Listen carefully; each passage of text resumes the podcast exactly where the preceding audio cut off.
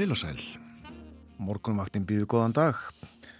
Hér sittja Björn Þór og Vera og við fylgjum ykkur til nýju í dag. Það er förstu dagur, helgi framöndan, 20. og 8. júli. Klukkunum vantar nýju myndur í sjö.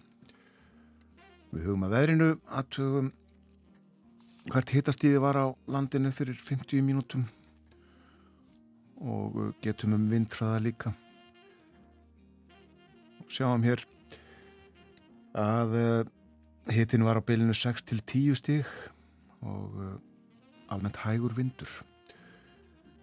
Til þess að gera bjart í Reykjavík og uh, sér ágætlega góðstöðunum samt svona einhver skíahöla um keili sem er okkar áttaviti en fyrir ofanana var mikill reykjar mökkur við sjáum á veðmyndavélum að uh, það bullar þarna í gegnum og uh, ríkur úr honum líka. En ég áhittast í nýju steg að hitti Reykjavík 2 metrar á sekundu andaði aðeins af norðan. 7 steg hitti á Kvanneri austan fjórir þar 9 gráður í Stikkisholmi skíjað 3 metrar áttastega hitti á Patricksfyrði og 1 metri á sekundu nánast logn. 7 gráður í Bólingavík og 6 metrar þar. Áttasteg á Holmavík 6 metrar norðanátt. 8 gráður á Blönduósi 8 metrar þar norðaustan. 6 stega hitti við Söðunesvita 8 stega hitti á Akureyri Alskíjað norðvestan fjórir þar. 7 gráður bæði á Húsavík og á Rauvarhöfn og vindræðin 2-3 metrar. 8 steg á Skeltingstöðum nánast logn. 7 steg á Eilstöðum þar var súld lítilsáttar súld klukkan 6 norðan 3 10 gráður á höfni Hortnafyrði 6 steg á Kvískerjum 6 steg líka á Kirkjubæðaklaustri 10 steg að hitti á Stórhæða í Vestmanægum og suðustan 3 metrar. Og 9 gráður í Árnesi. Og á Hálendinu þrjár, fjórar og fimm gráður, tíu metrar á sekundu við sandbúðir, fimm í veðivatnarhaunni. Svona viðræði klukkan 6. En þú ert með spáð dagsins vera. Í dag er spáð eh, norðaustanátt við á bylnu 5 til 13 metrum á sekundu og það verður kvassast á norðvestanverðurlandinu og við suðausturströndina. Skíjað og dáli til væta norðan og austanlands en bjart viðri suðvestan til. Hittinn frá sjöstígum upp við norðausturströndina upp í átjánstíg suðvestanlands og það bætir heldur í úrkomu austanlands í kvöld. Á morgun er eh, svo spáð hæg, hægari austlægri eða breytilegri átt bjart með köplum á vesturlandi, dáli til rikning af og til á suðausturlandi en skíjað með köplum og stöku skúrir inn til landsins og hitin breytist lítið. Já, veðurfræðingur skrifar ennfremur að það verði svipað veður í dag og í gær. Áttin er norðaustlæg og strekkingur á norðvestanverðu landinu og með suðausturströndinni, annars hægari vindur. Á Reykjaneskaganum hefur vindur verið hæg breytilegur en eftir hádegi ætti norðanátt að hafa völdin þar og beina mengun frá eldgóðsinu til söðurs. Það verður áfram bjart og lít í suðvestur fjörðungi landsins en norðan og austanlands verður áfram skíjað og lítilsáttar væta. Það er lægð söður af landinu, skrifar viðfræðingur sem stjórnar veðrinu hjá okkur um þessar myndir en um helgina missir lægðin tökin og fjarlægist. Þá tekur við hæg breytileg átt á öllu landinu. Það verður bjart með köplum en skúrir á stöku stað. Þessi rólegheiti veðri eiga síðan að standa fram í næstu viku.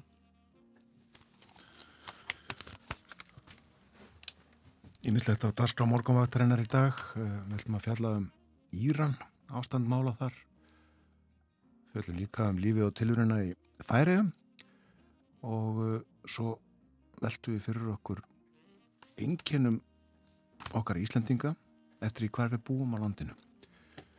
Förum betur yfir þetta. allt saman á eftir spjall og tónlist líka og uh, við setjum að stað fyrsta lag þáttarins þennan morgunin Hauko Mortensingur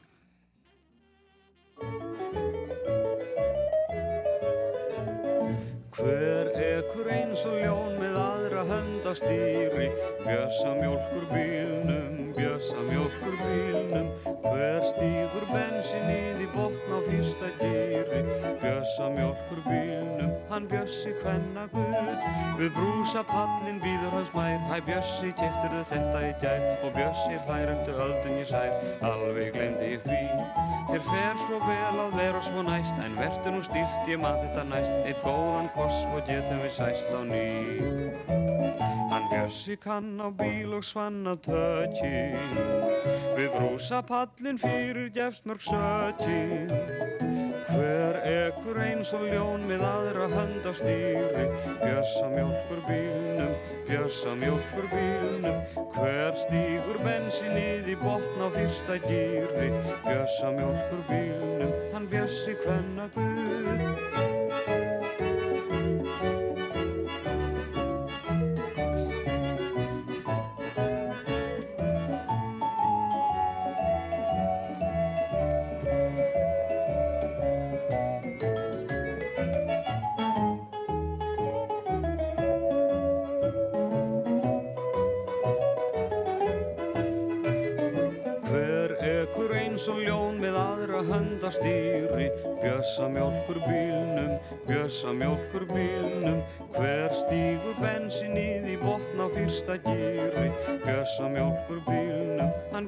kvenna guð. Við brúsa pallin býður hans mær, hær bjössi í gær Og bjössi hlær eftir öldungi sær?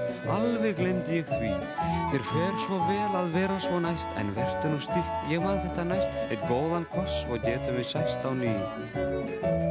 Hann bjössi kann á bíl og svanna tökkin Við brúsa pallin fyrir gefst mörg sökkin Hver ekkur eins og ljón með aðra hönd á stýri. La la la la la la, tra la la la la la. Hver Stígur bensinnið í botn á fyrsta gýri Tralalalala, hann bjössi hvenna Guð. Lalalalalala, hann bjössi hvenna, hvenna, hvenna Guð. Bjössi hvenna Guð, haugur Mortensang, lægir ítalst og við leikum með mitt ítalsku útgáðuna hér í þettinu fyrir eh, fánum dögum eða vikum. En uh, höfundurinn Vittorio Mascheroni. Hann uh, kallaði lægið á móðmálunu Papaveri, eh, Papere kom út 1952 og þessi íslenska útgáfa með texta eftir Loft Guðmundsson kom út 1954 var feikilega vinsælt á sínum tíma. Það líður á fréttunum hjá okkur hér á morgunvaktinni. Eftir fréttir fyrir við ítalega hefur dagskráð þáttarins lítum í blöðin. Og uh, leikum tónlist hérna og þaðan. Spjöllum. Allt með hefðböndum hætti á morgunvaktinni á ráseitt þennan morgunin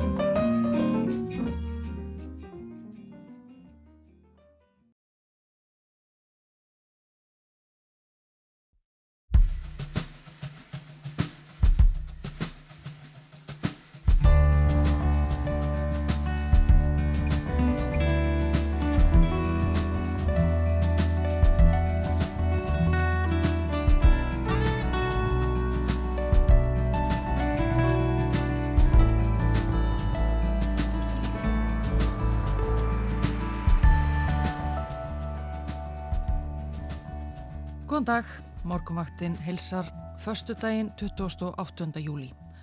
Um þáttin í dag sjá Björn Þór Sigbjörnsson og Vera Ílúadóttir. Við fjöllum um Íran í þættinum í dag, ástandmála, engum eh, réttindi kvenna. Baráttu fyrir frelsi kvenna í landinu stýrt frá Fraklandi. Þar býr Írönskona sem að þráir ekkert heitar en að kynsistur hennar geti um frjálstöðu strókið á fósturjörðinni. Nú nýverið hittu tvær alþingiskonur írönsku baráttukonna í París. Það er Helga Vala Helgadóttir og Þorbjörg Sigriður Gunnlaugsdóttir verða hér hjá okkur klukkan halv åtta og segja frá. Færingar halda Ólafsvöku á morgun. Venju samkvæmt er þessi mesta háttíð ársins á eigunum haldinn 29. júli. En í dag, daginn fyrir Ólafsvöku, er jafnan líka mikið um að vera um landið allt og ætla má að einmitt núna séu ófáir færeingar að klæða sig upp í þjóðbúningana og gera sig klára. Við ætlum að ringja til færeja að loknum morgunfréttunum klukkan 8. Þar hefur Baldvin Þór Harðarsson búið um árabil og hann verður á línunni og segir okkur frá Ólafsvökunni og lífinu í færejum. Er munur á fólki eftir, það, eftir því hvar það býr á landinu. Eru austfyrðingar öðruvísi að upplægi en vestfyrðingar? Er jafnvel fólkið á eskifyrði öðruvísi en þau á stöðafyrði? Við veltum fyrir okkur sérkennum Íslendinga eftir búsetu með gísla einasinni sjónasmanni upp úr hálf nýju og það verður nú allt svona frekar léttum dúr held ég.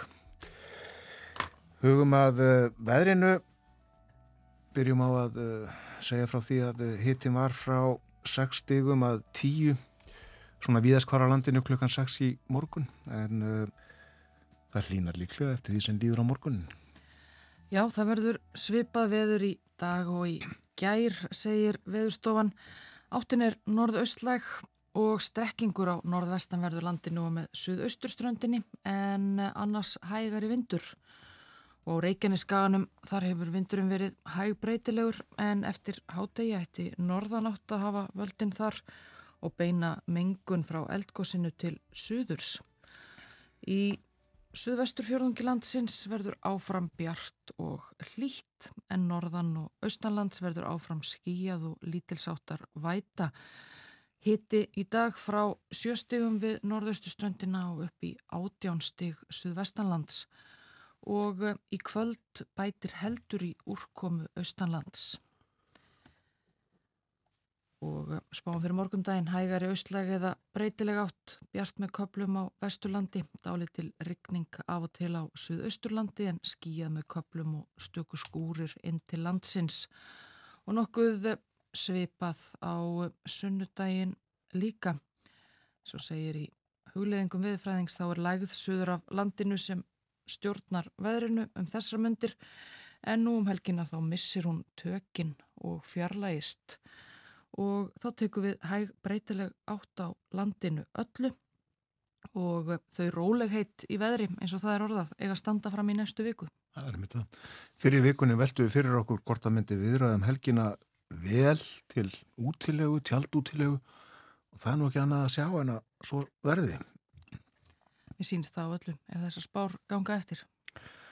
Hugum þá að veðrinu eins og það er núna í nokkrum borgum heimsins og uh, vegna ólarsvökunar og umfjöllunum hana og lífið og tiluruna í færiðum á eftir. Þá byrjum við í þósum og uh, þar sínist mér regna núna og uh, líkur á regningu í allan dag og uh, gott ef ekki á morgun líka. Hittast í núna 11 gráður og uh, þannig verður að fer kannski upp í 12 stig. Nú uh, í Kaupanahöfn eru 17 gráður og sólinn skín glatt má búast í 22 stiga hitta í dönsku huguborginni. Það er skíjað í Óslo og 14 stiga hitti.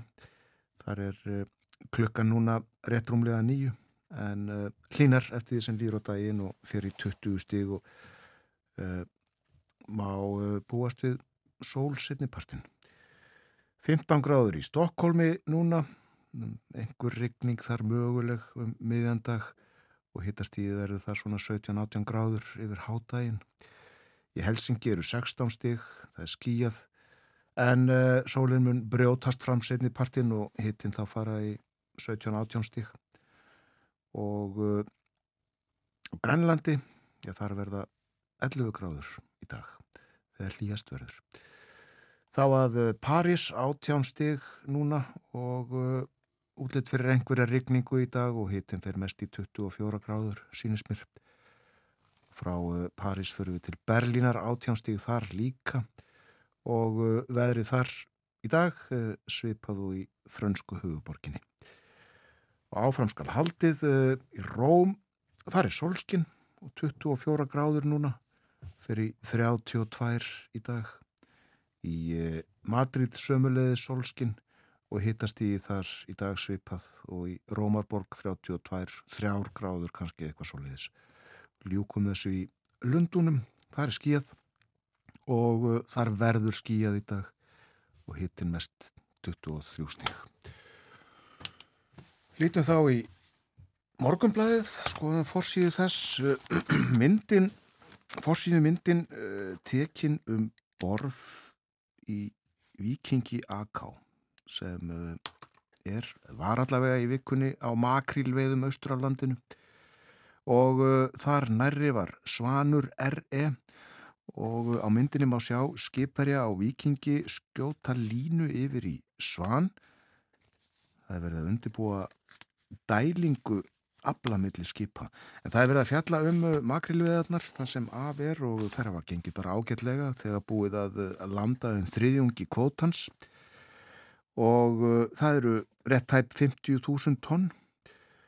Og segir hér að í upphæði vertiðar þá sóttu skip makril í smöguna en ferðu í kjölfarið veiðar inn í íslenska lögsu makrilinni saðu stór og það er rætt hér við frangatastjóra vinslustöðarinnar í Vestmanægjum Sigur Geir Brynjar Kristgjesson hann segir veiðin er búin að vera betri en undanfærin tvö ár að öllu leiti miklu stittrað að fara á miðin núna um hálfur sólarhingur í stað tvekja eins og var, jafnvel meira stundum.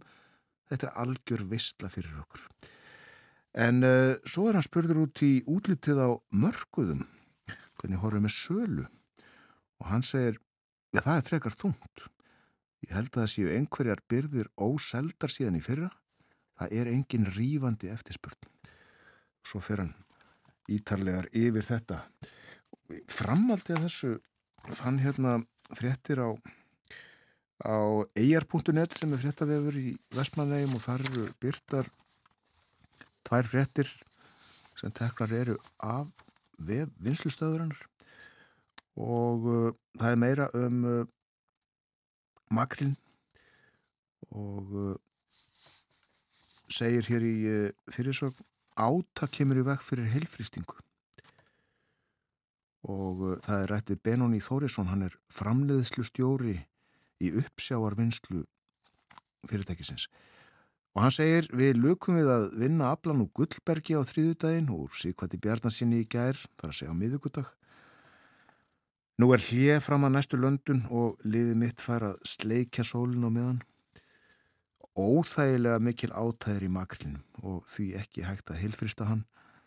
Þess vegna hausum við og hausum. Vinslustuðin hefur tekið á móti 7-8 þúsund tónnum af makril og vertiðinni. Og önnur frétt hérna eh, rætt við Jón Valgersson, skipstjóra á Bergi Baffi sem að eh, landaði nánast full fermi í eigum síðastliðin sundag og hann er spurður út í samsetningu aflans. Nú var það karfi, nánast ekkert nema karfi. Við byrjuðum á að veiða djúbkarfa í Grindavíkur dýpinu og síðan var haldið í Skerjadýpið, það sem fegst grunnkarfi, það stoppiði við stutt. Þá lág leiðin á stuttagrunn við eldeina og þar fegst gullkarfi. Ablin var nánast eingöngu karfi, fáeinir ufsatittir í þessu. Við fórum út strax eftir löndun og þá var haldið beint austur á Ingólfshöða. Þar var góð þoskveði í byrjun en svo datt botnin úr veðinni. Og núna þegar ég er að tala við þig þá eru við á fullri ferð á leiðinni á papagrunn fyrir austan. Þar höfður við góð ísuveiði að undaförnu og fengist þoskur og smávegis ufsi með.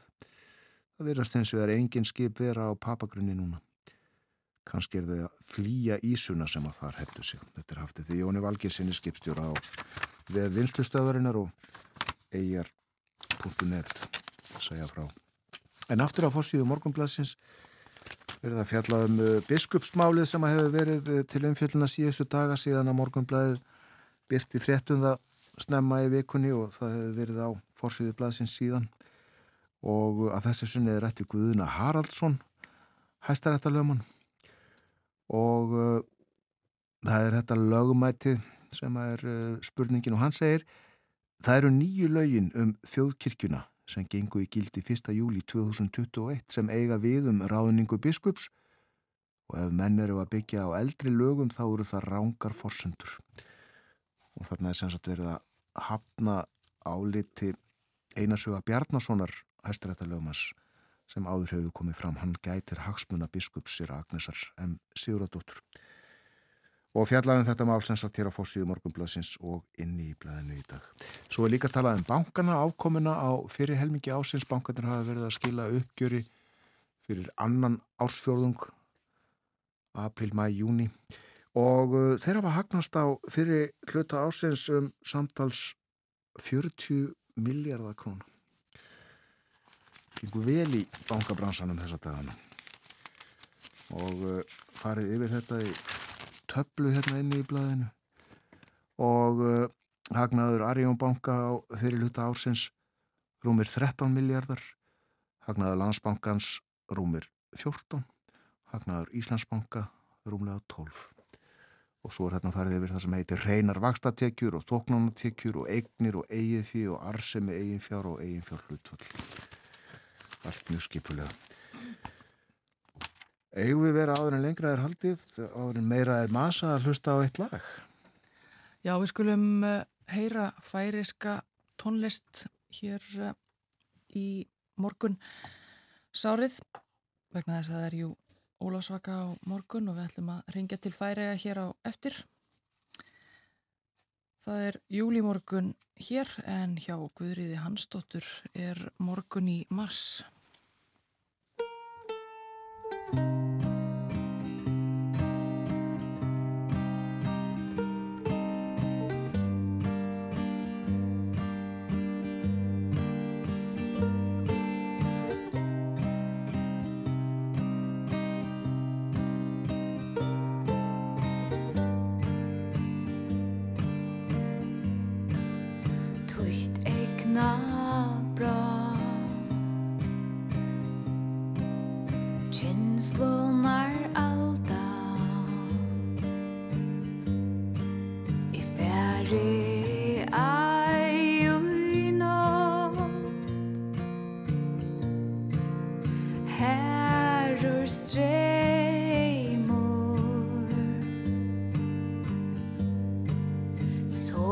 erstaunt gleich.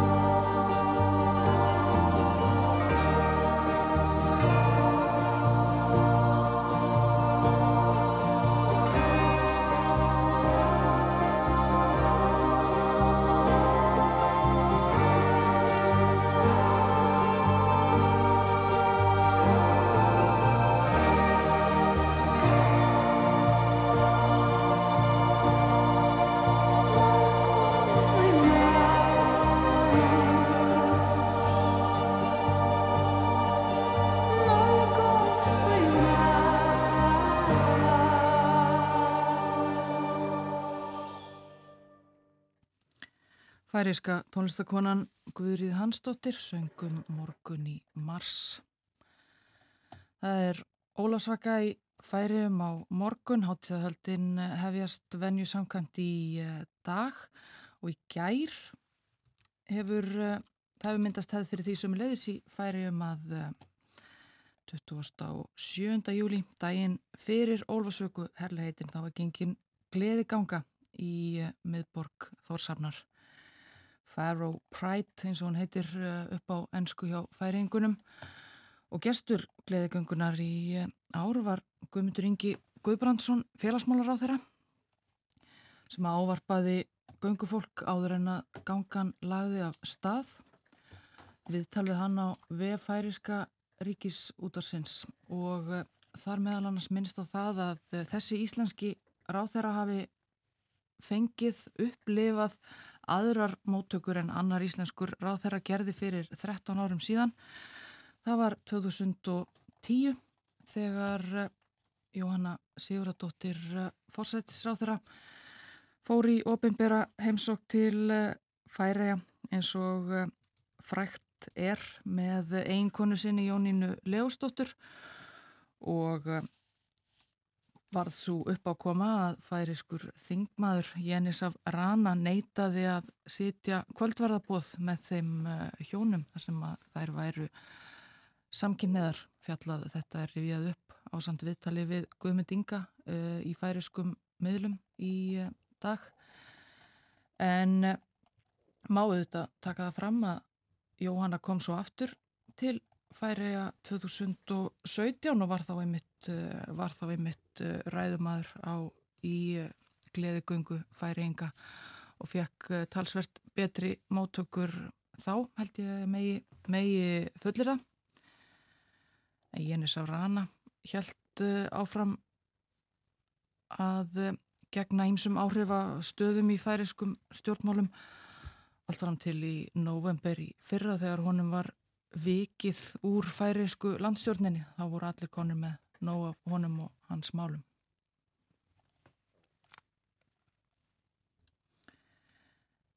En við skulum bara heyra annað færist uh, lag fyrst við erum á þessum færisku nótum og það eru þau Líf og Tróndur sem að syngja um lítinn fuggl.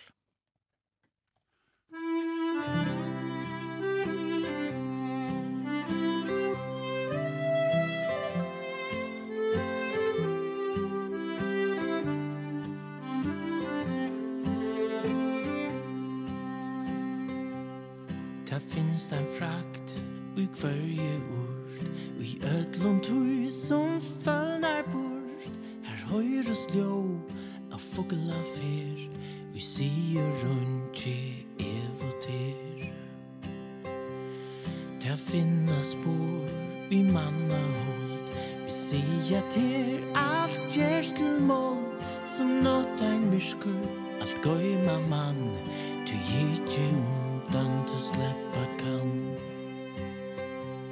Men om ju suttje all utland folk Som följer lagt av gift om barnjung Då tätje ge han vi munnen honom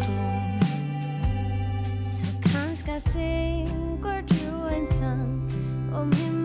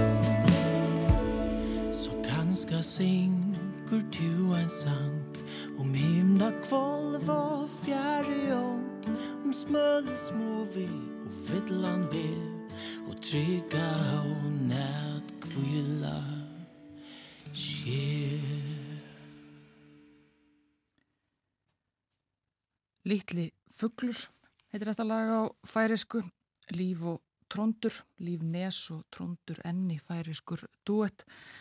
En lagið eh, Norst, norska þjóðlagasveitin Vamp sem að flutti þetta fyrst á eh, norsku á plötu árið 2012. Þær fréttir bárust austanar landi í gæra urriðavassundinu sem að framáttu að fara á morgun hefur verið aflýst ástafan. Vatnið er of kallt. Já, eh, hefur verið eh, svalara en vanalega á héraði að undanförnu. Vatnið eh, yfirleitt svona í kringum 15 gráður á sundegi hefur verið það að jafnaði öll þau tíu ári eða hvað er sem að sint hefur verið. En uh, nú er vassitinn bara 11 gráður og uh, það er ólítið. Þannig að uh, urriða var sundinu aflýst og þetta vanbriði fyrir marga sem hafa búið sig undir það. Ætlum við að vera með, er ekki týjir, kannski hundru sem að taka þátt í þessu? Það er allavega talsverður fjöldi á ári hverju held ég. Já. En það hlýna vonandi fyrir austan og uh, vonandi verður hægt að synda á næsta ári. Framöndan er fréttaðefilitið, fyrst auglýsingar eftir fréttaðefilitið verða hér hjá okkur tvær alþingiskonur sem að uh, alltaf tala um ástandmála í Íran og engum uh, konur í Íran.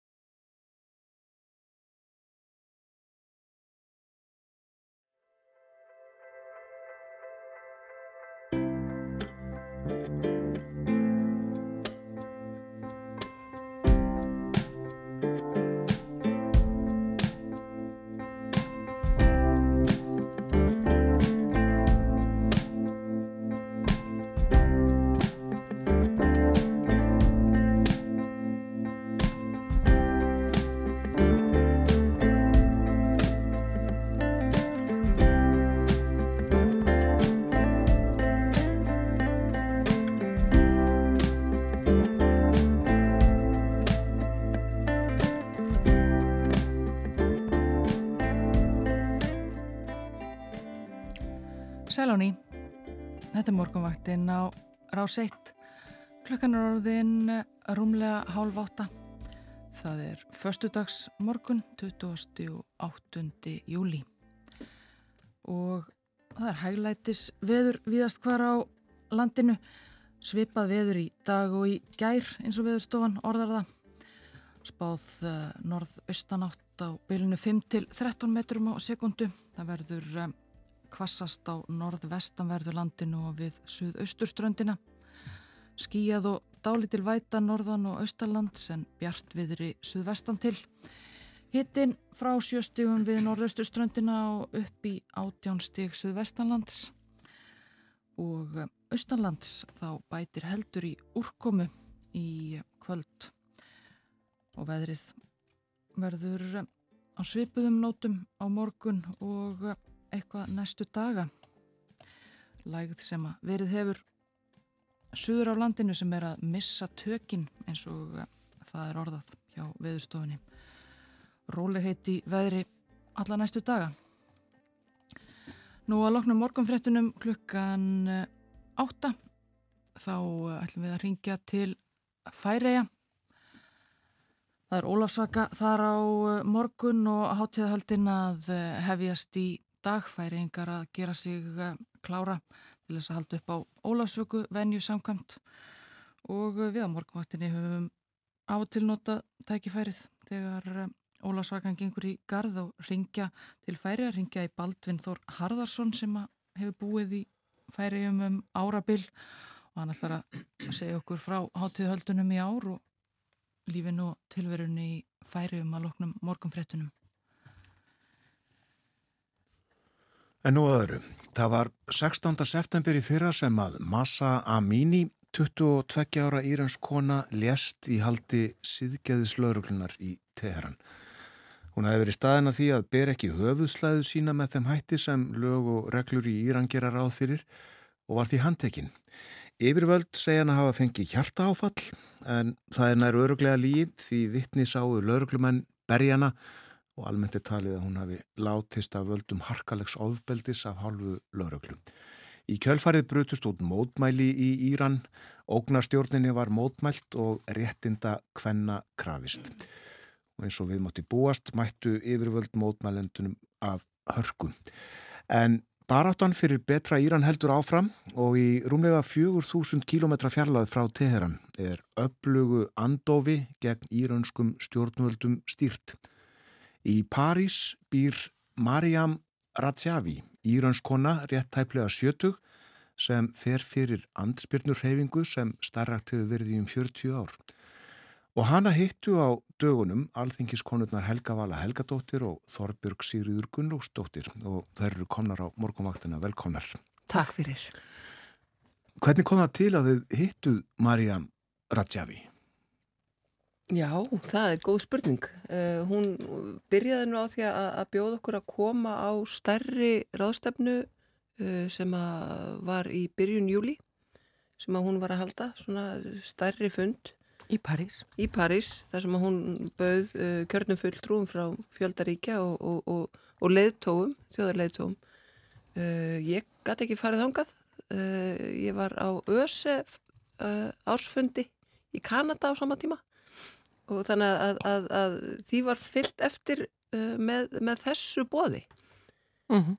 Það er bara sama saga og hérna, mér fannst ekki að merta þarna úti að uh, að þessi samtök uh, eru óbúslega vel skipulögð, dreifðum alla, alla Evrópu og heiminn um, og ágætla nestuði því að fylgjast vel með því hvað er verið að ræða á lögjáðar samkundum annara ríkja, báðar höfum við tjáð okkur uh, þannig að það var til þess að við fengum þetta bóð og við þáðum það og Já. hérna komum mjög upp veðraðar heim eftir þennan magnaðafund Segð okkur einmitt frá þessum samtökum og, og starfi þeirra. Mm. E, ég meina, hjartað í samtökunum er þessi kona, e, eins og þú nefndir, kona fætt 1953, verkfræðingur að ment e, og verið í pólitík alla sína tíð. E, hún á það samilegt með eiginlega öllu því fólki sem við hittum hérna úti að eiga sjálf ofbúslega erfiða sögu e, af missi. E, tvær sístur hennar létust, ég held að ég bara segja það eins og það er, voru myrtar af vegum stjórnvalda þar í landi. Ég svona sjálfstaldraðins við og var að hugsa þessa daga þarna úti uh, þrátt fyrir þetta er allt þetta fólk uh, virt í þessari baráttu. En svo áttaði maður sig auðvitað á því að það er ekki þrátt fyrir það heldur vegna þess vegna þess uh, hvað þau hafa upplifað sem að þau eru í þessu starfi. En ég minna grunnstefið eru auðvitað bara baráttan fyrir frjálsu Íran starf sem að hóst fyrir 42 árum í Fraklandi og í París. og hefur síðan drefst út og það finnst mér kannski líka vera svona, e, maður heyrir auðvitað endalösa fréttir af ógnarstjórnunni og viðbjóslu ofbeldi sem það er stundað en enga síður er staðan svo að, að það er kraftmikil e, stjórnaranstaða og það er raunhæfur valkostur sem að býður handa með hornið. Mm -hmm. Sýsturinn að tvær myrtar já uh, ég held ég hafi lesið að uh, eiginmaður hennar uh, Massút hafi horfið 2003 og það hefur ekkert spust til hans síðan mm -hmm.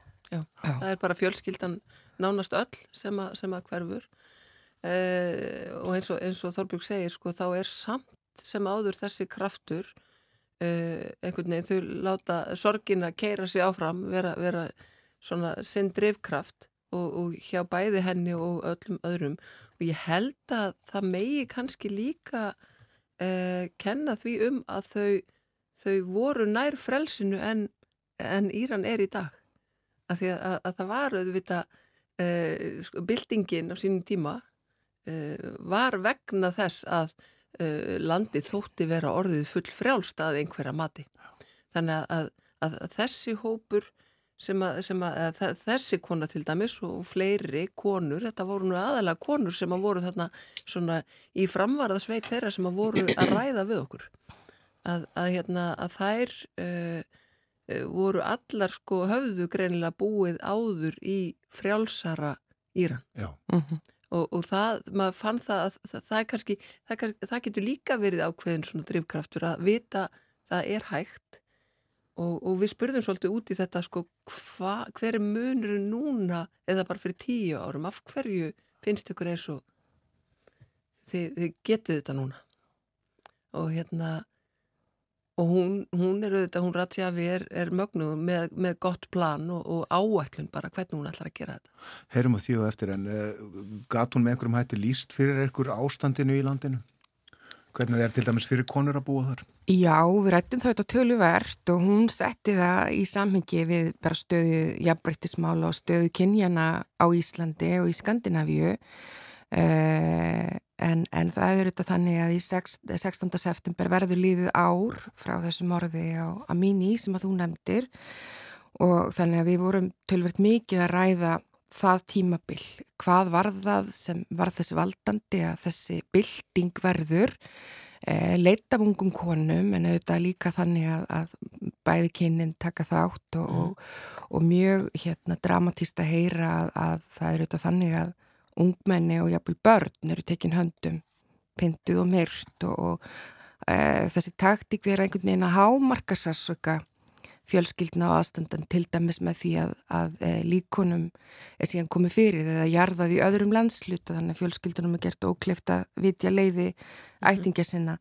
e, en, en þú veist það var bæði þetta náttúrulega svartnætti í því að það er að verða svona mikil stígandi í ofbeldinu en um leið byrtan og krafturinn í því að þrátt fyrir það að þá er fólk ekki að gefast upp. Það frekar þannig að það sé stígandi og svona litlar breytur sem verða stórar, bara það að hérna e, fólk er með snjálfsímana sína og hérna getur skipulagt sig með öðrum hætti heldur en kannski fyrir 15 árum síðan. Þannig að jú, við rættum það tölverst og skilabúðin og þeirra hálfu auðvitað mjög, mjög skýrum það að e, að ríki beiti röttu sinni hátt og snjált tala um hlutina eins og þeir eru mm -hmm. og e, láti ekki yfirlýsingar döga heldur beiti aðgerðum. Já, það má auðvitað heita uh, ótrúlegt og aðdánavert auðvitað að fólk hafi trú.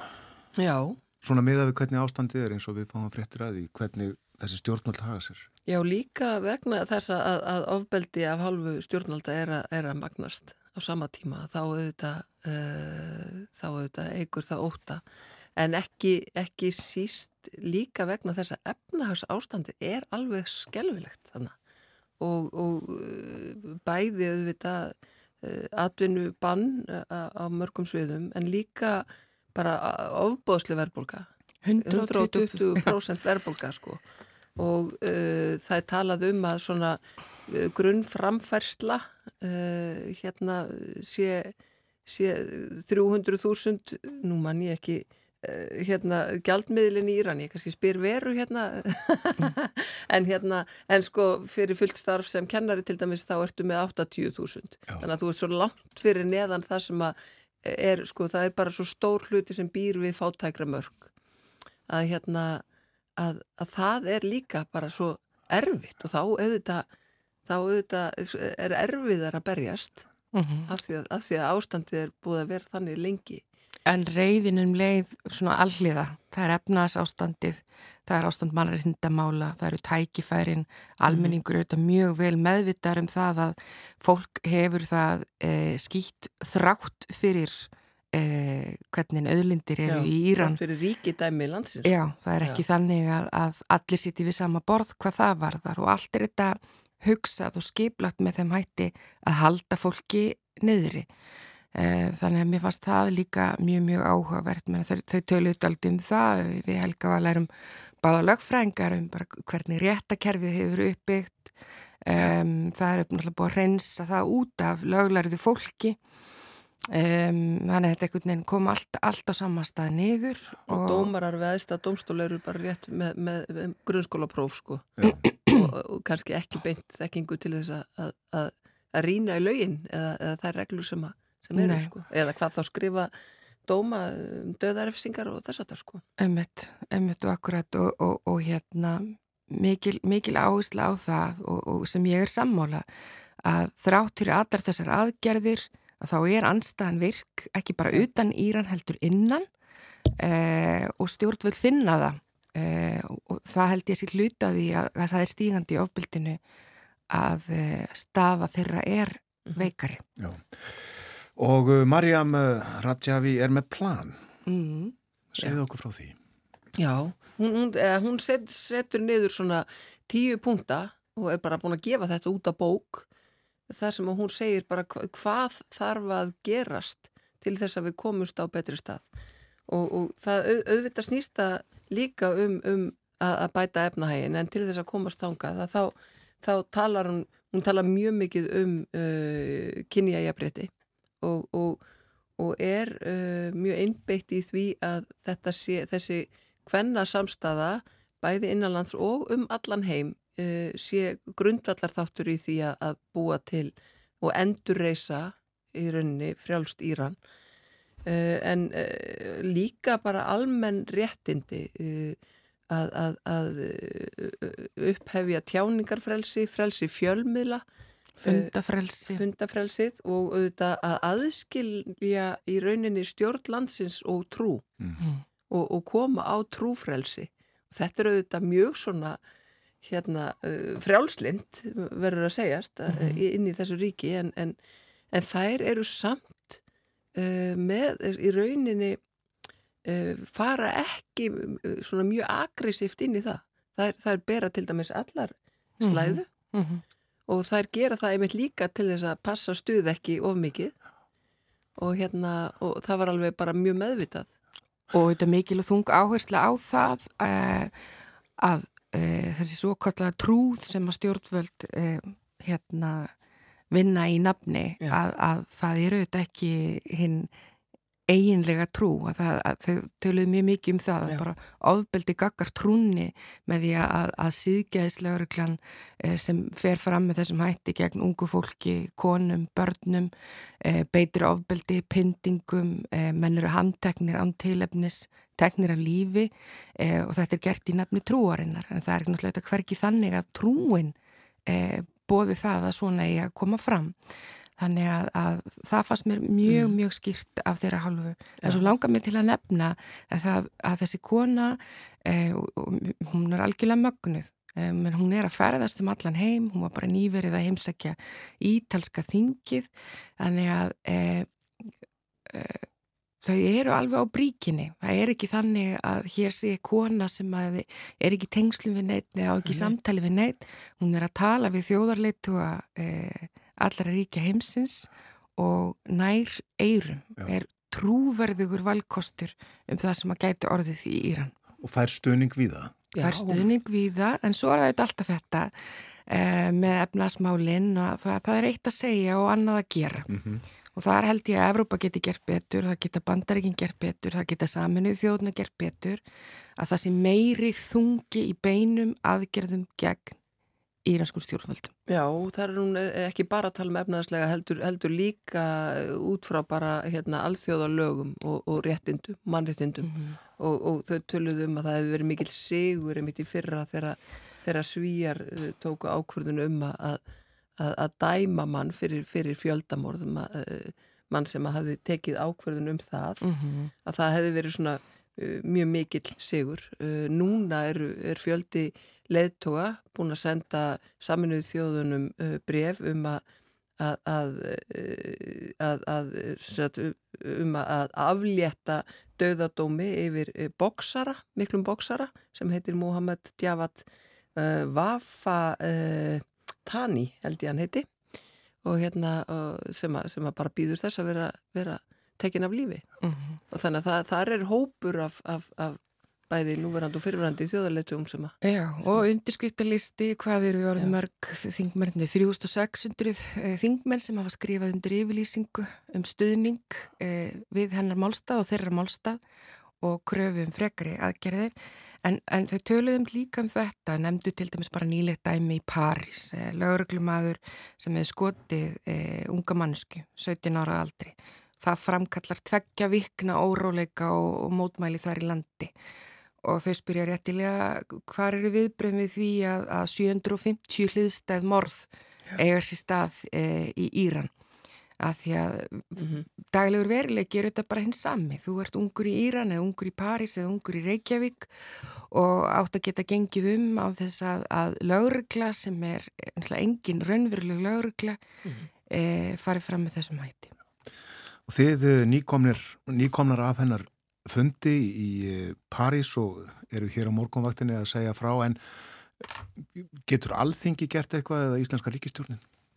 Já, með, með hérna, stuðningi e, það var vissulegar utaríkisráð þeirra í, í samvinnu við Þískan utaríkisráð þeirra held ég sem að hérna, óska eftir umræðu í mannendaráður í samvinnu þjóðana í fyrra e, en við megum ekki gleima því Eh, gleima því ástandi sem var í september í fyrra.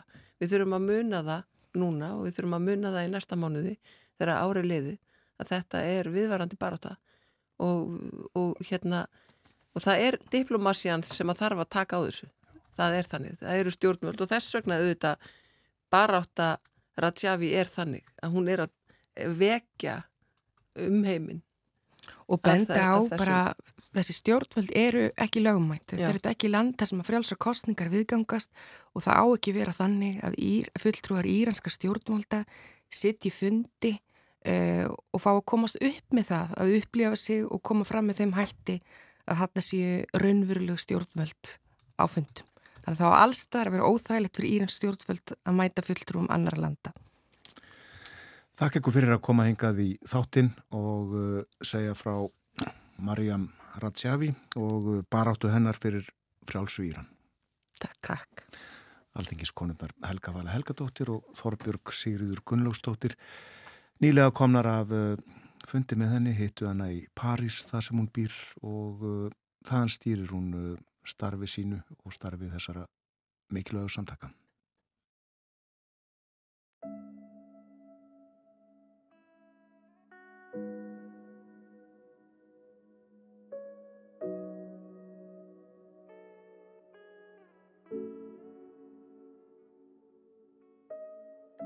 برای توی کوچه رخصیدن برای ترسیدن به وقت بوسیدن برای خواهرم خواهرت خواهرامون برای تغییر مغزها که پوسیدن برای شرمندگی برای بیپولی برای حسرت یک زندگی معمولی برای کودک زبال گرد و آرزوهاش برای این اقتصاد دستوری برای این هوای آلوده برای ولی و درختای فرسوده برای پیروز و احتمال انقرازش برای سگهای بیگناه ممنوعه برای گریه های بیوقفه برای تصویر تکرار این لحظه برای چهره ای که میخنده برای دانش آموزا برای آینده.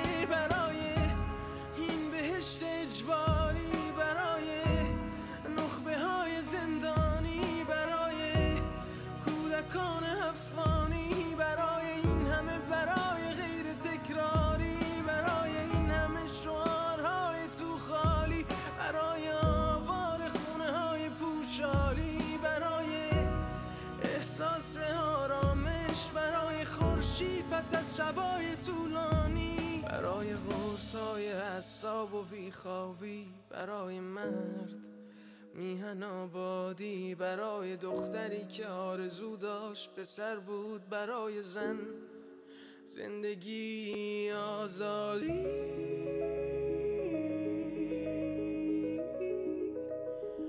برای آزادی.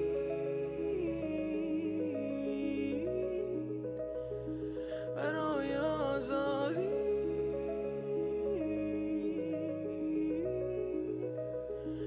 برای آزادی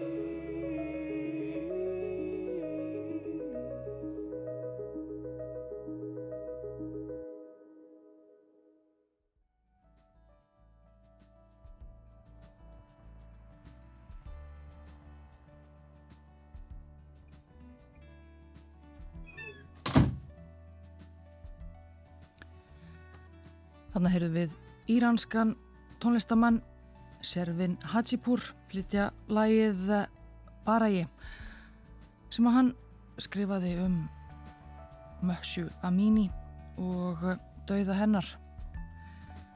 Þar voru að yfirgefa hljóðstofu þingkonurnar Helga Vala Helgadóttir og Þorbjörg Sigriður Gunnlaugsdóttir sögð okkur frá fundi sínum og íransku baráttukonunni Mariam Rajavi rættum um stöðukvenna í Íran og stöðumála þar almennt og leikum þetta lag í framhaldi af því viðtali. En það líður að morgunfrettum, það er koma hér á slæginu átta. Fyrst eru auglisingar og síðan að morgunfrettunum loknum þá ætlum við að ringja til Færeja. Það er Ólafsvaka þar að hefjast.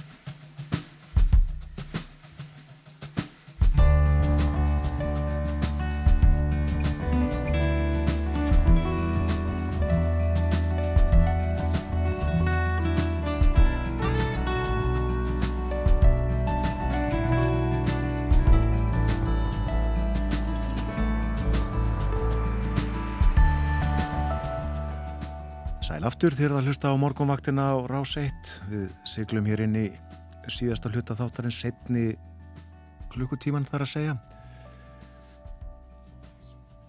Föstu dagur í dag og komin 28. júli Já, farið að var yfir uh, tíðindið af góðstöðunum góðsinu hér undir lokfrétta tíma sáðan á brunalikt í Reykjavík í gerkvöldi og hún fannst víða sjáum hvað setur í dag, hvað þetta varðar. Minni á að Gísli Einarsson sjónvarsmaður verður með okkur hér á morgunvaktinni upp úr hálf nýju. Við ætlum að tala um einkenni fólks, Íslendinga. Eftir því hvar þeir búa er munur á fólki fyrir austan og vestan svo dæmi síðu tekin. Hver er hann? Gísli ætlar að uh, draga þetta fram hann uh, hefur hitt fólk um alland og tekur vel eftir háttum og hegðun og segjar okkur frá á eftir.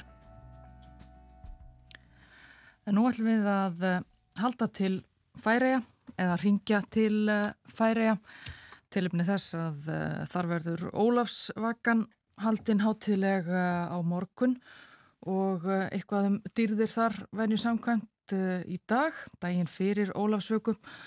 Og við erum komin í samband við Baldvin Þór Harðarsson sem að býr í færium, kontu Sæl Baldvin Sæl og blessuð. Þú ert í... Afsaka ég er hálflefaður. Það eru fleiri hér heima líka. Uh, þú ert í Þórsöfn eða hvað? Já. Þú byrð og nú er, uh, já, Ólasakan á, á morgun en það er yfirleitt þannig, er það ekki að, að uh, svona háttíðahöldin hefjast í, í dag, daginn fyrir sjálfan Ólasöku daginn? Jú, sko Ólarsvakan verður sett í dag og, og hún er, Ólarsvakan er 28. og 29. júli og, og uh, forspilið var í gær. Og hvað, já ég er, við erum hér og uh, já hvað fór þá fram, hva, hvernig fer það fram, er, hvernig er forspilið?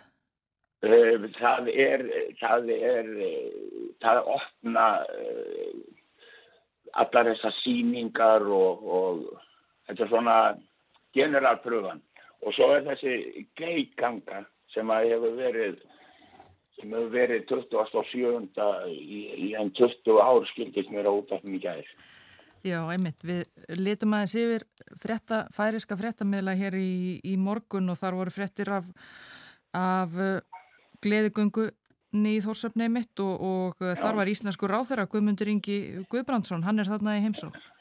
Já, já, hann, hann helt fínaræðu og, og, og hann fekk svo pund við, við, við færiska mentamálar á þeirran eða kvinnuna eða hvað maður segir. En þetta var alveg geysilegu fjöldi þannig að það verður aldrei verið svona mikið af fólki. Já og gengið á ymsu í, í uh, réttindamálum hins eginn fólks í færiðu með þetta en það er þeir, þeir fjölmenna þá í, í gönguna. Já og það virðist vera, það virðist vera eftir að þessi, þessi kristilegi flokkur lendi í anstöðu sem að, sem að hefur haldið þessu máli vakandi. Það virðist vera að, að það er betra fyrir þetta fólk að fá rétt sinn fá, fá, fá, sagt, fá sín réttindi. Að hann, hann, hann ræður ekki eins og hann gerði síðustu fjögur árin eða, eða, eða já, þeir eru búin að vera stjórninu búin að vera nú í eitt ár. Já, emitt það voru einhverja frettir af, af þessum væringum uh, í færium hér í meðlunum á sínum tíma. En, já, já, en uh, hvað gerist þá í dag eða, eða, eða, eða á að gerast? Þú varst nú að uh, segja mér frá því uh, hérna rétt áðan áður við fórum í loftið að veðrið væri kannski ekki ekki hitt besta. Já, nei það er það ekki. Það er, það er þá að rýtna nokkuð mikið í dag og þið flamma háti á morgun og svo lofaðir góður er rest. En í dag er kappróðadagurinn og setning og það, þetta er svona einn ein hans stæðsti vil ég meina svona hendingadagur. Á morgun er, er svona ólasöku dagur og þá eru allir eða all flestir í þjóðbúningum og gangum bæinn og, og, og hús eru opinn og, og færi sko matur og það er, það er frábær, frábær dagur í góðu veðri. Mhm. En þá kannski ekki útlitt fyrir slikt í þetta árið? Já, jú, ekki er hátti á morgun reiknaði með að bærin fyllist og svo, svo endar þetta með, með, með Ólasvöggu söng, sönglötunni á miðinlótt annarkvöld og síðast var áallega hefur verið en 15.000 fólk uh, á svæðinu. Það er, það er ægilegt að lenda inn í þessari köðum að það þarf að glósettu því. Þetta er alveg tróðis. Já, þetta er, þetta er mikil fjöldi í, í já, þórsöfninu ekki, ekki íkja stór bær. Nei, nei, nei. Og þetta er sko, þetta er allar, allar hlýðargötur og svona til uh, miðbæjarins. Og þetta, þetta fer ægilega svona uh, höfslega fram og, og ólasakana líka orðin til fyrirmynda. Það, það er, maður sér næstum því ekki fullnan mann. Nei, þetta er ekki þannig að fólk, fólk rúli um, um götur. Nei, það var svolítið fyrir 10, 15, 20 árum og, en maður sér það eiginlega ekki lengur. Og þetta er alveg til fyrirmyndar um fólk og, og trúðbúið og, og uh, þetta er bara virkilega hugulegt og svo, og svo í dag, nei, nei á, það er á morgun sem, sem, sem það er, uh, nei, skrúðganga og setning uh, klukkan 2 og 3. Það er sem sagt, þingi verður þá sett í dag. En uh, þessi róðrarkeppni, hún er nú líka mikið, mikið batteri. Já, það er, það er svona gróft sagt, það eru sjö, sjö stefnur yfir sumari. Stefnur það talaður um að bæjarfélög, ímis bæjarfélög hafa svona samgöngu, nei, samkomu og, og, og veistu daga með, með kapprófi. Og þar sapna bátarnir stílum. Og þetta er bara eins og í fókbóltanum og svo er, er, er síðasta umfærð er í dag á, á, á Orðarsvöld. Og þeim þykir, það var viðtal við, við ráðurafólki gæri í útlækninu og þeir, þeir flestu vildu heldur vinna Ólasvöku kappróðurinn heldur en verða þæriðamestara. Já, þannig að það er mikið. Það er svo margt fólk og, og það er ægilegt líf á, á bryggjunu og kringum þetta. Og það kemur ekki til að vera auðrúsi fyrir rigningu í, í, í dag. Nei, það verður róið þó það verði mingandi rigning. Já, já, fólk býr sér bara út fyrir það. En það er merkileg þessi, þessi, þessi uh, hefða fólk svona, já, op, hefur heldur opin hús og, og, og býður fólki uh, gestum heim til sín og, og heldur, heldur svona litlar heimaveislur. Það er aldrei sterkur já. þáttur í, í, í, í jólasökunni, ekki satt? Jó, og, og, og færisku matur þá.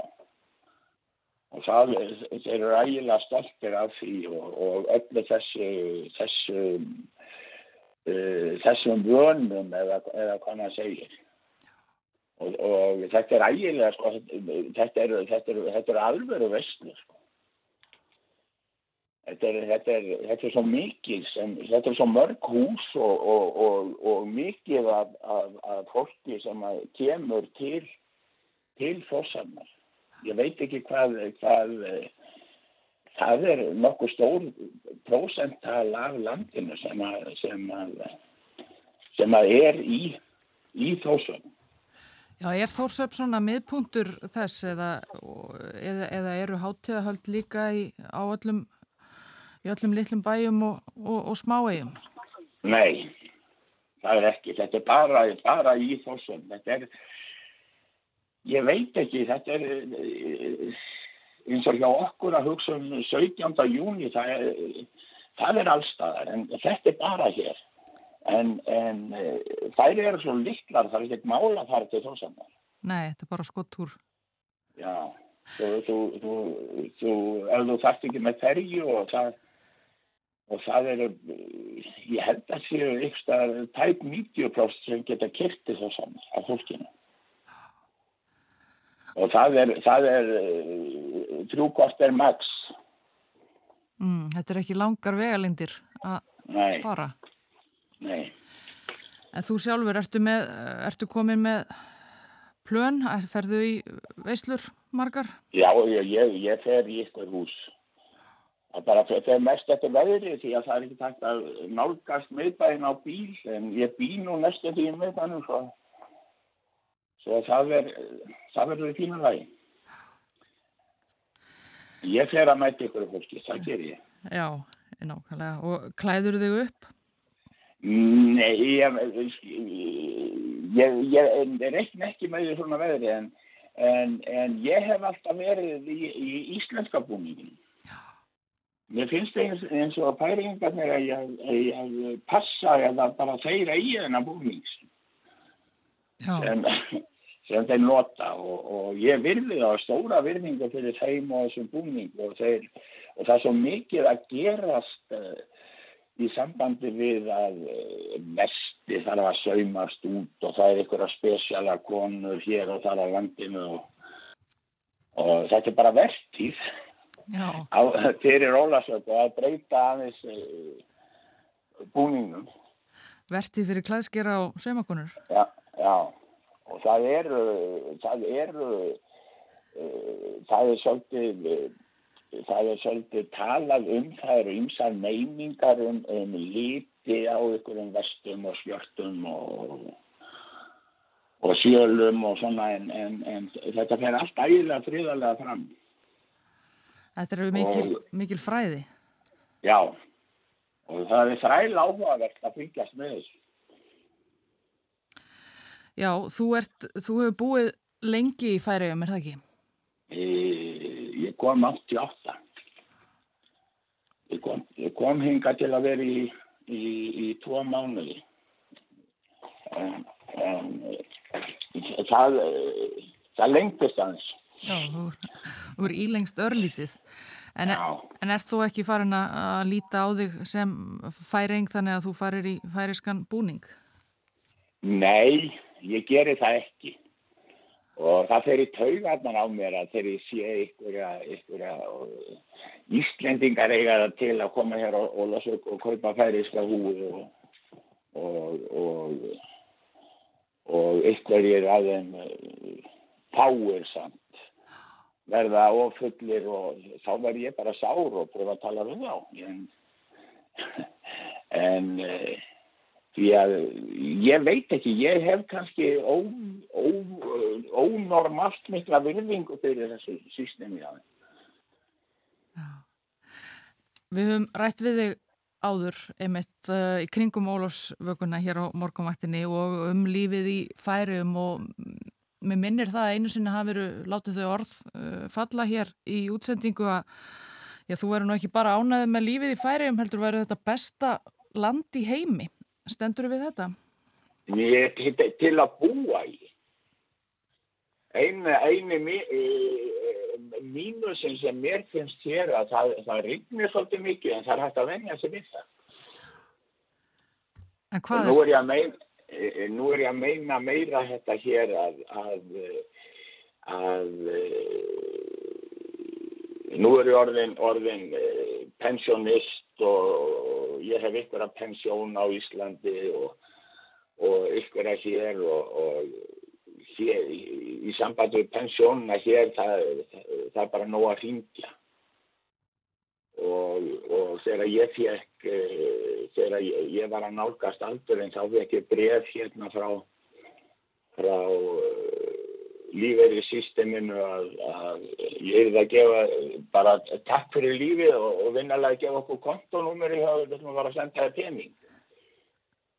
Og, og uh, á Íslandi þá er það umsóknir og, og vottar og þetta er svona miklu þingra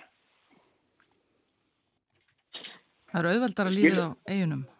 Já, en þetta er náttúrulega komið svona á Íslandi af því að ykkur er, að reyna að svindla og kerfi verður bara sterkara. En, en hér er þetta einhvern veginn eins og allir þekki alla og, og þetta gengur bara. Og, og lífið er ægilega mikið, mikið svolítið hér að, að það kemur dagur aftur á morgun, slappa af. Ég byrjaði að hugsa svona, en ég, ég manna að þeir kom fyrst, þetta voru ægilegi töðunar. Já, en þú eru aðlagast. Já. Og já, ég ætla, ætla við leipið þér ekki bara út í daginn og út í uh, Ólásvökunna í uh, regningunni. Uh, þakka þér, þakka þér kærlega fyrir uh, spjallið en eina ferðina Baldin Þór Harðarsson í uh, færum. Takk fyrir sem við lögist.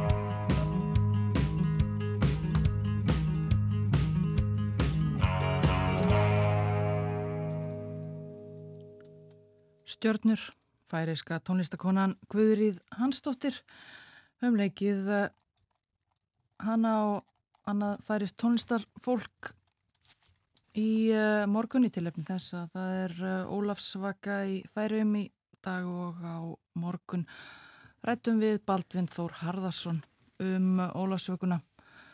Hér rétt áðan hann er búsettur í færium og hefur verið um árabil. Það spáð mýgandi rigningu í dag og fram á hóti á morgun sem að kann að hafa einhver áhrif á hátíðahaldin en þó ekki hinn gríðar mikilvæga kappróður sem að framfyr í dag.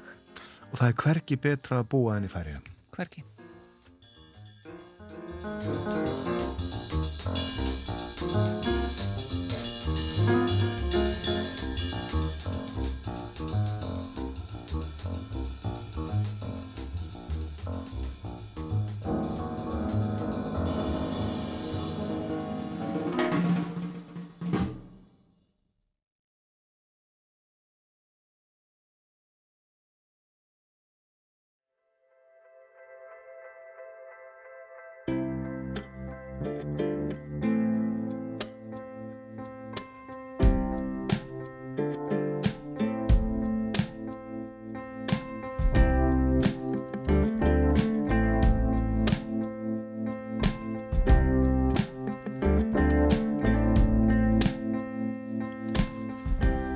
Aftur, þið eruð að hlusta á morgunvaktina á Rás 1, það er förstu dagur í dag 20. og 8. júli, klukkan réttliðilega hálf nýju. Vera ef ykkur farið við veður horfur dagsins fyrir fólk sem að vara að vakna. Það skulum við gera.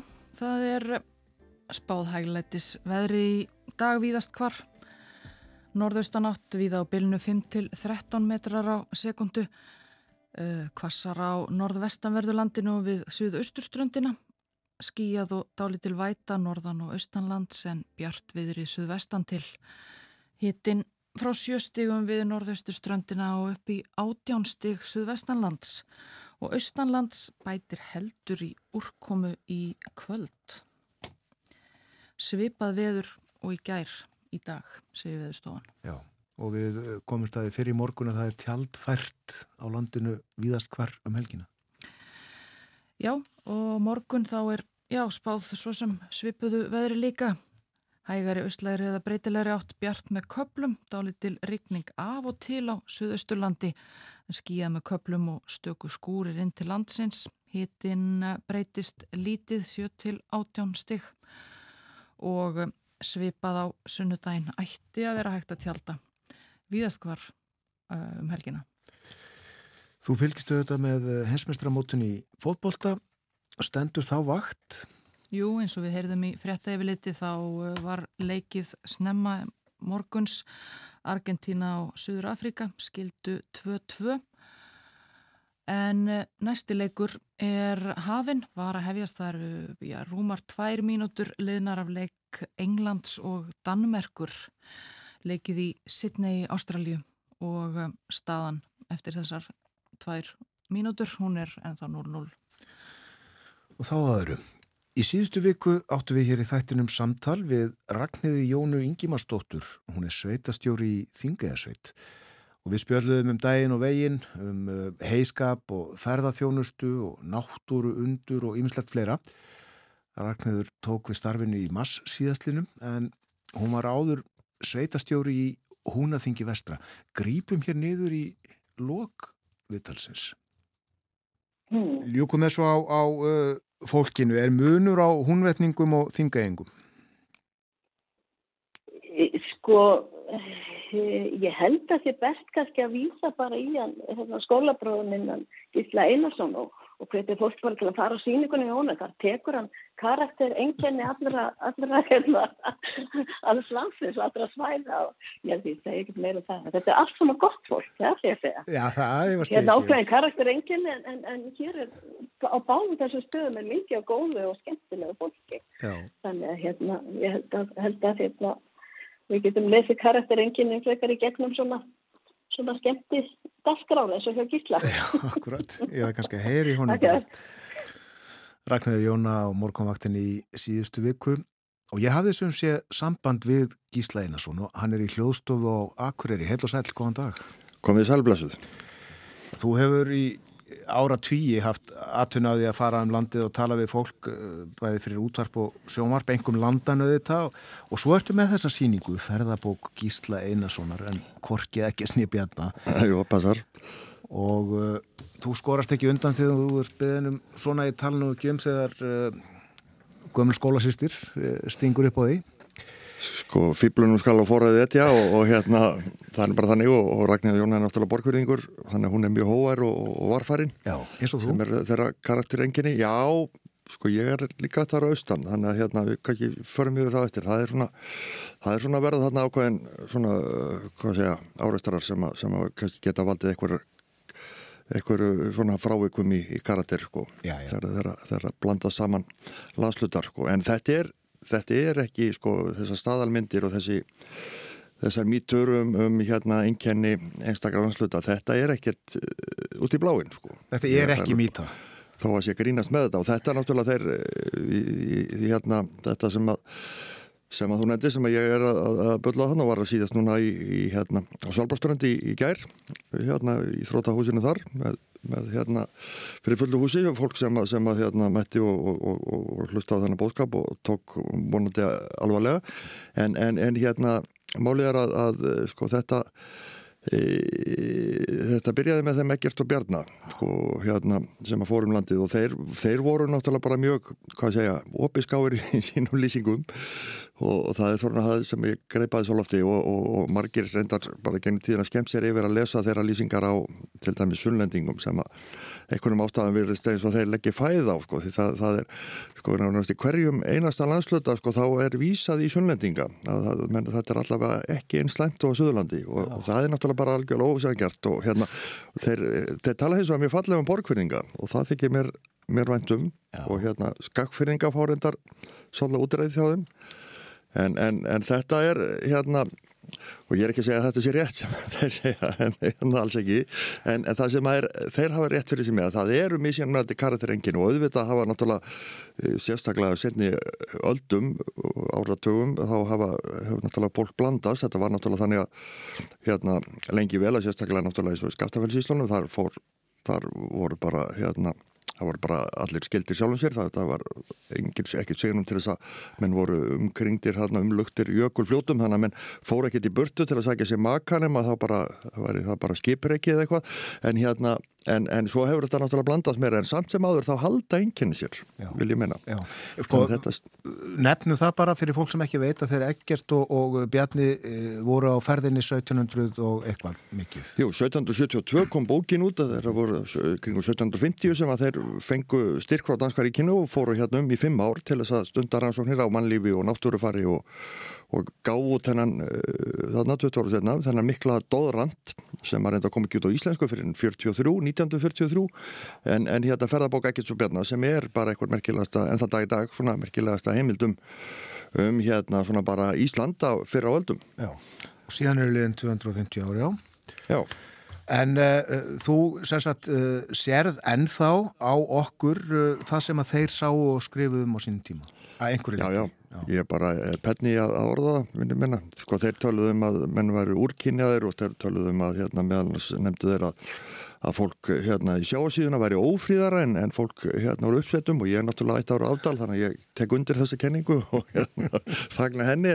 En hérna það er, neini, það er ákveðin karakterenginni og, og, og hérna ég held að, að það sko, þó, þó svo að, að fólk hafi blandast náttúrulega mjög millir landsluta þá, þá er það kannski svolítið líka í loftinu. Það er svona stemmingin og, og hérna svona bara svona hefðin og sem, sem, að, sem að lifir áfram eins og, eins og þetta þekktast það náttúrulega með með að þingaingar séu montnir Mhm. og það er ekkert ljótt í það, það hérna, sko, þeir eru og þeir kann bara gangast við því allavega flestir sem ég þekki. Og, og, hérna, og málið er nefnilega það sem er fallegt við, við þingaeng á þeirra mónt að, að, það, það, þessu fylginningir hróki sko, þeir eru ekkert með, með að líta, tala niður til annar eða líta niður á aðra. Þeir vita bara að þeir eru bestir og, og þeir vita það bara í fullt reynlagni og, og hérna þannig að þegar maður er að tala við þingaega þá var þetta svona pínu þetta er svona pínu, svona, þeir, þeir, svona snettur af orkun sem ég, sko, maður mað finnur það að þeir hafa samúð með manni að vera ekki eins frábærir á þeir en, en þeir, þeir, hérna, og þeir eru ekkit að upphefja sig, þeir bara vita að þeir eru betri nærir og, og, og hérna og það er bara staðrind, þannig að hérna, það er eitthvað, það er eitthvað fallegt við það. Ég er samlega því. En að því að, að því ég spurði Ragnarður Jónu til mun á þingaengum og húnvetningum, hafa húnvetningar einhver, einhver enginni sérstök? Sko þeir eru miklu lokari sko og, og hérna svona, hvað segja, þeir, þeir eru hérna algjör anstaðmyndi segja við, við þingaenga sko, þeir, þeir hérna, þeir eru bara pinnit inn í sig. Ég sko hef reyndar náttúrulega bara góða reynslu af húnvetningu, ég bjóð þar í eitt ár í hún á síslónum en, en kom þangað úr, úr skagafyrinum. Þannig að það var kannski svona, það er sannmarbröðu sem er kannski ekki alveg sangjart sko því að sko, hérna, þegar ég flutti í skagafyrin bara títugur sko þá var manni tekið opnum ormum og maður bara kynntist fólki hérna sko bara fyrsta degi og hérna og þeir skakfyrringar opnir, skemmtilegir og, og hérna náttúrulega mjög líflegir og þannig að hérna voru hófið framstundum og hérna sem er frábært en, en hérna svo kemur húnáðsíslun og það er sko hérna þar eru mér svona aðeins svona varfærnari og, og lokaðri sko en, en virkilega gott að vera það reyngu síður og, og gott fólk en, en hérna þeir eru ekki eins, þeir eru ekki eins brattir og, og hérna og fjörugir og skafringarnir og það er sko þessar mítur eiga bara, þær, þær eru starrið ég hef bara hérna sannreint það á eigin skinni. Búið á báðum stöðum og hérna og, og, og býmerskafringi, gifturskafringi þannig að þannig ég er búin að rannsaka þetta alveg hérna sagt, skipulega. Og það þarf ekki, þarf ekki nema eitt fjall eða heiði til þess að skilja að sko ólíka þjóðfélagsópa. Nei, það, það er nefnilega málið sko. og hérna, og auðvitað eitthvað er þetta í genunum en, en eins og ég segi, þetta er, þetta er í stemmingun og þetta er líka aðteglisvert í þessu sambandi, það er sko svona þessi, hvað að segja hérna, ættjarar ást, eða hvað menn eru uh, stoltir af sínu, eins og til dæmis uh, sko einkenni vestfyrninga sem mér finnst frábært er að það, þeir eru svo miklu vestfyrningar Já. Það er engin landsluti sem er eins sagt, hérna, meðvitaður um, um, um hvaðan sagt, þeir eru og, og, og hvað þeir standa fyrir.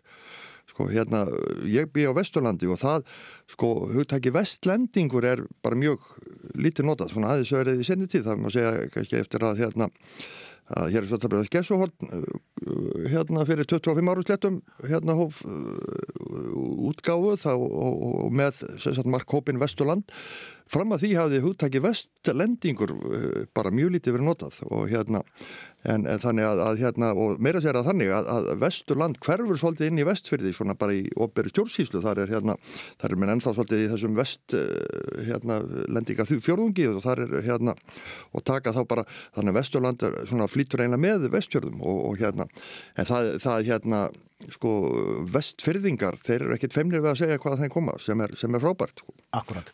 En, en er eitthvað annað sem að einkenni þá finnst þér heldur en einmitt þetta að vera ofbúslega ánaðir með það að vera að vestan? sko það er hérna sko svona ímyndin er svolítið að þeir eru allir skeggjaðir með lóppessu og í lóppessu sko en, en hérna það er, gefur ekki alveg rétt að myndi það er svona það svolítið sama menn kannski í markasetningu má segja lagt á tímbili uh, ómikla áherslu á Múkisson og, og fleiri sem að hérna flotta að kalla. En það er náttúrulega líka mikið flottum konum og, og það hérna en jú, vestfjöringar, ég myndi segja þeir eru enginni, þeir eru svona hörkutól og, og það er hérna og, og bara svona harðir af sér og og náttúrulega hérna svolítið mótaðir af veðrin og það er svona uh, og, og, og náttúrulega aflónum það er allavega uh, þessi ímynd og ég held að hún eigi eigi hérna alveg við röka styrjast og hérna og vestlendingar, vestfyrningar eru líka svolítið sjálusi nógir. Og hérna maður sér það bara bara svo sko hérna uh, það, menningin hefur blómstrað og gerir enn á, á vestfjörðum svo til dæmis Ísafyrði og þar í kring. Ég meina það er atvinnuleikús á vestfjörðum vísu breyt maður en, en, en, en, en það, það, menn eru svona sjálfbarir það, ég held að það sé svolítið þeir enginni að þeir, þeir gera hlutina sjálfur vegna þess að þeir hafi ekki alltaf haft tækifæri til að sækja það á annað sko. Nei, þannig að lífsbaráttan eh, sem að var bísna hörð á vestfjörðum eh, öldum saman og, og eh, einangrun mikil að vetrum, hún hefur markað fólki sem að býr þar í dag. Já, já, ég held að það er hljóta verða, sko. það, það er partur af þessu. Og þetta er, og þetta er líka, sko, svo er líka málið, sko, svo er svona ákveðnar hvað segir það, ímyndir sem að menn vilja gertan bara sko viðhalda og, og, og, og hérna ganga svolítið kannski upp í að, að, að vera. Og eins og með vestfjörningar, vestfjörningar eru og mér að segja hérna margir sem að eru, eru ekki dendilega að búa þar en, en, en, en telja sér vestfjörningar bara vegna þess að langama þeirra var þaðan sko, mm. þannig, þannig það, það, það, og það er náttúrulega fallegt að menn vilja gertan vera hérna vestfjörningar, þannig hafa menn náðast stimpla inn þessa þessa hérna ímynd um að vestfjörningar eru já þeir eru bara flottir og, og hérna og það er ekki hægt að hugsa sér betri árangur í markasetningu og landsluta heldur en, heldur en það. Heldur en flott fólk. Hvað er þá um östfyrðingarna að segja? Sko það er svona það sem að Egert og Bjarni þeir sögðu ekkit mikið um svona lindisengun östfjörningar en þeir voru mjög teinhæði hvað östfjörningar töluðu, töluðu hérna fallegt og gott mál. Óspilt, óspjalla mál eins og eru orðið það. Og hérna en, en svona mínu upplifun á östfjörðingum er að, að það er svolítið svona mörguliti svipað vestfjörðir sem er kannski ekkit skrítið. Þannig að náttúrulega, sko, menn eru svolítið sjálfbærir. Mm -hmm. og, og, og mínum huga er, er, er, er svolítið skap í östfjörðingum kannski er það kannski bara vegna þess að ég er að horfa mér næri að ég menna mitt skap kemur allt að austan, ég er hálfur norrfyrðingur og mamma er frá Neskóstað og hérna og bara sem dæmi langa langafi minn hann hérna e, raskjelti kaupmannin, danska kaupmann vegna þess að hann var ósangjarn í viðskiptum og hérna tók hann bara hérna tröst að taki í, í, í bræði og, og hirtan. Þannig að hérna þannig að, að ég vil meina að það sé alveg og, og, og, og ég þekki alveg austfyrringa með, með skap en ég er ekki, ekki, ekki, ekki þá er ekki að tala með þessi ykkur skap ofsamenn alls ekki, þetta fyrir fínt með þetta. En hérna þannig að og, og, og ég myndi segja að, að austfyrringar væri nokkuð svona léttlindir, það er svona og, og, og, og, og hérna og menningarlega sinnaðir. Það er hérna, það er náttúrulega þekki það bara í, ég menna, amma mín var, var hérna, hún var fjöru og skemmtileg kona og leik, hérna, helt upp í heilu leikfélagunum og svo framvís og núna, ég menna, núna bara þessu töluðum orðum erum menna að byrja að glamara hérna á borga fyrir eistra bræðslunni. Menn eru, og það er svona dæmi um þessu sjálfbarni, þannig hefur menn búið til sko bara í þessu hérna litla þorpi sko einhverja bara stæst og flottustu tónlistarháttíð hérna allra tíma á Íslandi og hérna og það, þannig að, að, að ég myndi segja austfjöringar það er hérna það er kraftur í þeim og, og, og, og þeir eru alveg ófeimnir við að, að ráðast á gardin það sem hann er hvað hæstur Já, Eh, það er líka kraftur og gleði í Vestmannegjum. Já, vestmanningar er náttúrulega alveg séraparti og hérna og já, ég veit ekki hvernig á að útskýra vest manni þeir eru svona bara íkt sko, ég, ég held að að, að, að hérna, þeir hafa í raun og veru allt sko, sem aðri landsvöldar hafa nema bara svona kannski aðeins meira sko. Meira veginn. Já, sko ég meina þeir, þeir, þeir, hafa, þeir hafa þessi, þessi sköpunar gen og þörf sem, sem þrýfst mikið á östfjörðum og östfjörðum þeir, þeir eru, sko, þeir eru ennþá montnari þingæðingar og köplum sko Já. og ennþá meiri vestmanneingar heldur en vestfyrðingar eru vestfyrðingar þannig að, hérna, þannig að, að, að ég held að sko, ég veit ekki hva, hvernig stendur á því en, en, en, en, en, en hérna, vestmanneingar eru algjörlega sérstætt fyrirbyrði og algjörlega frábærir sem klíkir sko. þannig að hérna, ef maður er líka bara sko, maður endist ekki nema svona kannski nokkra dag einu sko, því að þetta, þetta er svo mikið að taka inn er og svo blandast þetta allt saman með einhverjum hætti og alls konar hætti í reikvikingum. Já, sko, það er náttúrulega eru ekki, reykvíkingar eru, sko, hafa fram að þessu eiginlega ekki verið til, sko. Því það er engin, sko, það er allavega mjög stutt síðan að eitthvað fór að viðkenna það að væri úr Reykjavík. Og það er heldur ekki nema, sko, það er náttúrulega Reykjavík er náttúrulega mjög ung, það er ekki nema hvað 300 ár síðan voru fleiri sem byggu á Hellisandi heldur en Reykjavík. Og hérna, það, það hefur breyst í dag en, en hérna, En, en jú, ég held að sé, sko, það er að breytast nú, það er að verða til kynnslóðir reykvikinga sem eru bara stoltir að þið veru Reykjavík en, en þetta, kannski kemur það til út af því að, að hérna í umræðinni sko, menn eru svo miklir vesturingar, menn eru svo mikið hérðan og mikið þaðan að, að, að, að svona það er oft upplifum að það að svona í fjölmenni þar sem menn eru að svona mingla og kynna sig að, að, að það er eins og menn fyrirverðist sig fyrir að vera bara á Reykjavík sko, sem að er náttúrulega fráleitt, en það Reykjavík er náttúrulega höfuborgin og, og allt það, en ég held að það sé að verða, verða meira en og, og náttúrulega var náttúrulega mikið bara þar til á allar síðust árum að, að sko, stór hluti reykingingar ekki brott fluttur eitthvað annar staðar frá og það, og það er náttúrulega ennþá í Reykjavík eru starfrækt áttaga félög Já. austfyrðinga, strandamanna og svo framvegis þannig, þannig að það hérna, þannig að fyrir vikið hefur Reykjavík kannski svona eh, þróast eh, þessi stað, já, það, það hafa